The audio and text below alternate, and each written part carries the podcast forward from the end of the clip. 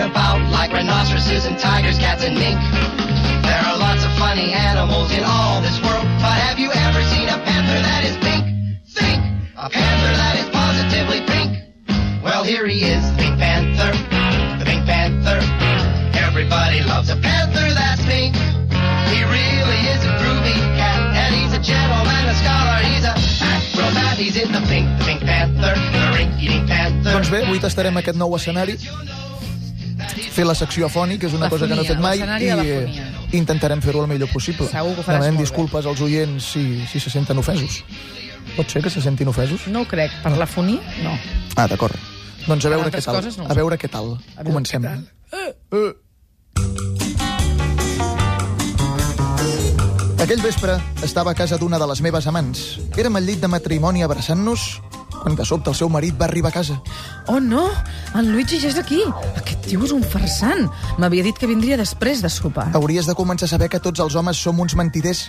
I ara què fem? Ah, doncs el de sempre. No, sisplau, a la cornisa no. Fa molt vent i agafaré una galipàndria. I a mi què m'importa? M'importa un rave si et refredes o si el vent se t'emporta la porra. Coi, quina simpatia. He de salvar el cul com sigui. L'únic que m'impressiona en aquests moments és que el meu marit no m'atrapi i salvar el meu matrimoni. Doncs mira, ara em revelo. No penso anar a la cornisa. Ah, no? No. Esperarem el teu marit aquí i quan obri la porta li explicarem tot. Tot? Què és tot? Doncs això no estarà tan maco, mire. No em dic mire. Mari? Tampoc Miri? aigua. Mary? Bingo. Ei! A la quarta, vaig millorant. Mira, Mary, quan entri el teu marit, direm sorpresa, i després li explicarem que estem enamorats. Que estem què? Que estem enamorats? Jo, jo no estic gens enamorada de tu. Ves a la cornisa immediatament. No, T'he dit que vagis a la cornisa. Estar a la cornisa d'un tercer pis del carrer Balmes un dissabte al vespre ventós i despullat és molt desagradable. Mira, mama! Allà dalt hi ha el senyor que fa les llistes tontes i despullat. Quines cares uh. sí, despullat encara és més lleig. Mare de Déu, no cregui, senyora, que jo me l'imaginava pitjor. Estic amb vostè. Té les cametes com dos bastons Ui, de ui, pa ui. grisines, però de pectorals no està gens malament. A mi em sembla monstruós, fastigós i abominable, amb tots els respectes, eh? Penso que s'hauria de depilar les cames. Les té massa peludes. Està un palet blanc, no creieu? Sí, sí, sí, totalment d'acord. Això li resta punts. Però i el cul, com el deu tenir, el cul? Uh, ara en sortirem de dubtes. Escolta, David! Et pots girar? Ens agradaria veure't el cul! D'acord? No Mireu, està gens malament. No? Quina nota li poseu? Jo li poso un 8. Ui, no, jo, un cinc pelat. Suspès i sense opcions de pujar nota, si ve a reclamar. Una provadet justet. Si se'l depilés encara arribaria al 6. Mare, jo també li puc posar nota? No, encara ets massa petita. Tu calla i no miris. Va, mare! Veure un tio despullat en una cornisa d'un pis del carrer Balmes és un fet insòlid. Segurament veuràs abans el cometa Halley o la independència de Catalunya que un paio en aquesta tessitura. És justament per la singularitat de la situació que en pocs minuts un centenar de persones col·lapsen un tram del carrer Balmes mirant cap amunt amb la boca oberta, com sempre que es mira cap amunt. Tanqueu la boca, carai, que sembleu ximplets! Miren molt i opinen encara més. M'assenyalen, em fan fotografies i em diuen coses. Només falta que em tirin cacauets i que jo em posi a fer el simi. Començo a pol·lular per la cornisa mentre espero que algú em vingui a rescatar. És aleshores quan se m'acut el tema de la propera llista tonta. Llocs on no m'agradaria que em veiessin. Lloc número 1. En un lloc on firmi discos en David Bustamante.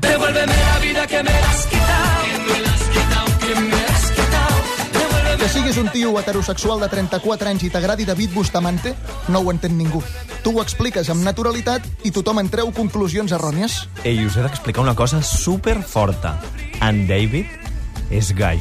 No fotis. T'ho juro, avui me l'he trobat a la FNAC i s'estava comprant l'últim disc d'en Bustamante. Un, un moment, no et precipitis. Eh? Potser era per regalar. No, no, era per ell. Quan m'ho ha dit, no sabia cap on mirar. Les coses funcionen així.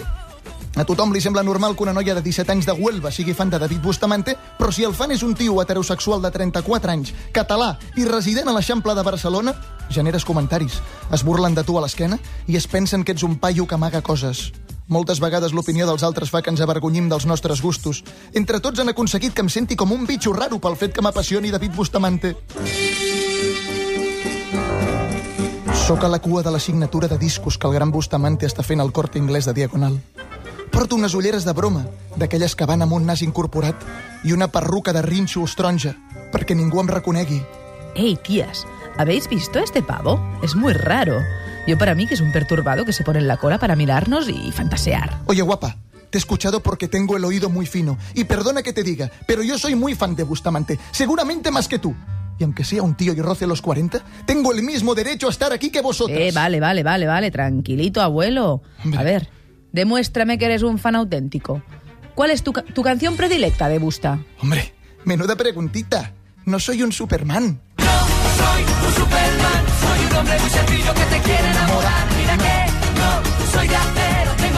Si algú gravés els shows que munto al menjador de casa quan escolto aquest tema i ho pengés al YouTube, em crearia molts problemes. Sobretot el moment en el que m'enfilo al sofà, només en calçotets, i començo a votar. Eres uno de las nuestras. Me llamo Leire, un placer. Jo, Morgan Freeman, i el placer és mío. Quan arriba el moment que em Busta em signi el disc, les cames em tremolen. No sé si quan obri la boca em sortiran les paraules. Sóc a només dos pams del meu ídol i del seu somriure que em permet entreveure unes fundes magistrals construïdes pel millor odontòleg del país. Hey, fenómeno! Bonita peluca! Atenció, aclariment important. Aquest que acaben d'escoltar figurava que era en David Bustamante. Gracias. Me la he comprado en la tienda de disfraces de mi barrio. Me gusta mucho tu música. Cómo modulas la voz, cuando cantas. Y tu estilo, tu estilo también me gusta mucho. Y que conste que no soy gay. Eres un campeón. ¿Cómo te llamas? Morgan Freeman. Pero el disco quiero que se lo dediques a mi hijo. ¿Cómo se llama tu chaval? David. Escapo del lloc dels fets amb el meu trofeu i mirant paranoi cap a tots els costats. No fos cas que algú m'hagi pogut reconèixer i reveli a tots els que encara fan cua la meva verdadera identitat. Sembla que aquesta vegada m'he salvat i ningú podrà dir que ha vist en David Balaguer en una signatura de discos del gran Bustamante. Lloc número 2. El bingo, sol, a les 4 de la matinada i borratxo perdut. Una estampa lamentable. Després se'n parla molt a totes les cantonades del barri. Sabeu qui hi havia ahir a les 4 de la matinada sol al bingo? El David de les llistes tontes. No fotis. Ja m'ho semblava que aquest paio era fosc i que amagava coses, però, home, i tu com ho saps? Oh, perquè jo també hi era. Ei, però jo estava amb les meves amigues celebrant un aniversari. Ja, I sí. vam anar per fotre la conya, va, que consti. Mm. Ah, aquí està la diferència. Estàs sol al bingo a les 4 de la matinada i borratxo és penós, i els que et veuen interpreten que estàs a les últimes. Però si en comptes d'anar-hi sol i vas amb els amics és diferent, tot canvia, i l'estampa automàticament deixa de ser lamentable. Aquesta matinada vull anar a gastar-me la pasta al bingo. Però si hi vaig sol, tot el barri em veurà com un tio acabat i me'l parlaran de mi. Què puc fer per anar a fer uns cartrons sense que ningú noti que tinc un problema greu? Crec que tinc la solució. Xxt, xaval, et vull proposar un negoci. Si et fas passar per amic meu i vens al bingo amb mi, et donaré 50 euros, més un 10% dels possibles guanys que obtinguem. Evidentment, tens els cartrons pagats. Què me'n dius? Accepto. Ah, has pres una grandíssima decisió, nano. No te'n penediràs. Psst, psst. Noieta, t'agradaria treure't uns euros extras? Mm, què em proposes? Només t'has de fer passar per amiga meva i acompanyar-me al bingo. Et pago 50 euros per la teva amistat, més el 100% dels guanys de les línies que cantis. Acceptes? Hauria de ser burra per no acceptar. Sabia que no deixaries escapar una bona oferta. Ets bona fent negocis. I així confeccioni un grup d'amics ficticis la mar de maco per poder anar al bingo tranquil i sense que la gent de les taules del costat em consideri un acabat.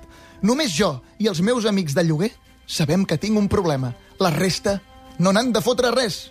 Les coses decadents, si les fas acompanyat, sembla que no ho siguin tant. Lloc número 3.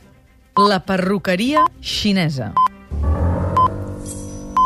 Ja fa mesos que passo vuit cops al dia per davant de la perruqueria xinesa de la cantonada. Miro dissimuladament sense aturar-me.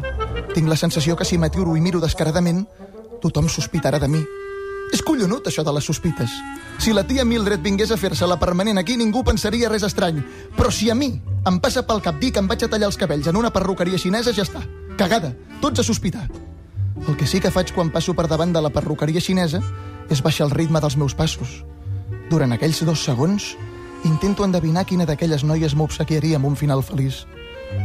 Darrerament acumulo molts finals pèssims i això em fa sentir una mica frustrat. En realitat suposo que aquesta és una frustració col·lectiva, perquè els finals de les coses gairebé sempre són nefastos per tothom, no només per mi. Poques vegades existeix el desitjat final feliç.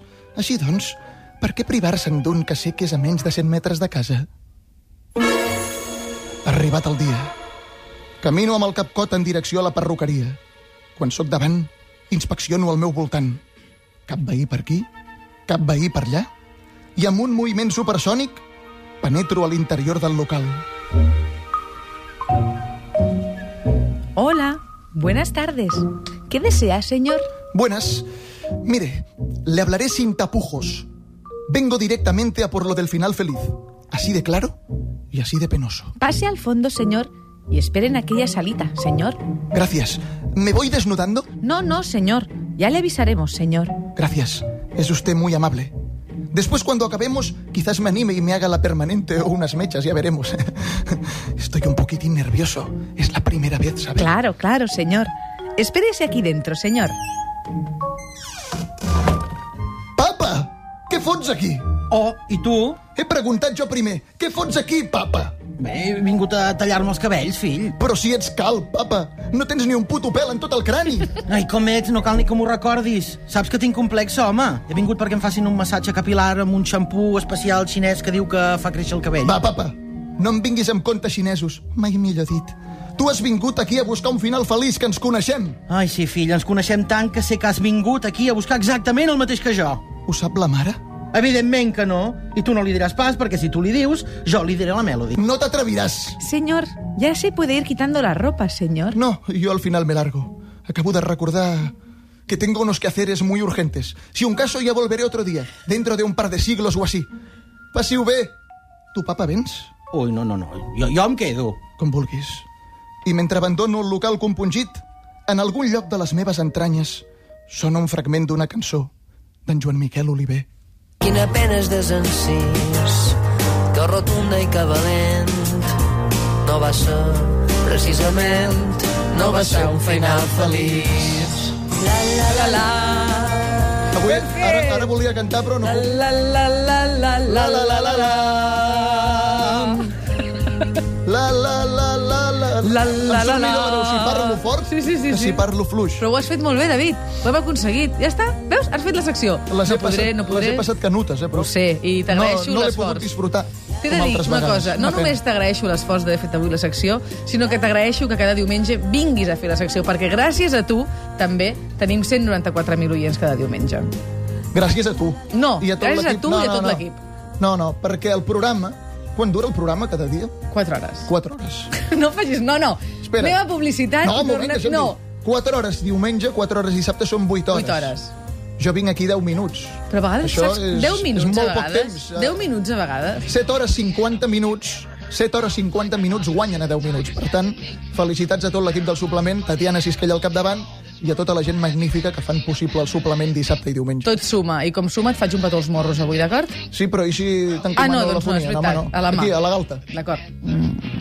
Gràcies. Gràcies. Aquests m'agraden, amb la boqueta oberta. Perfecte. Publicitat i tornem. El suplement.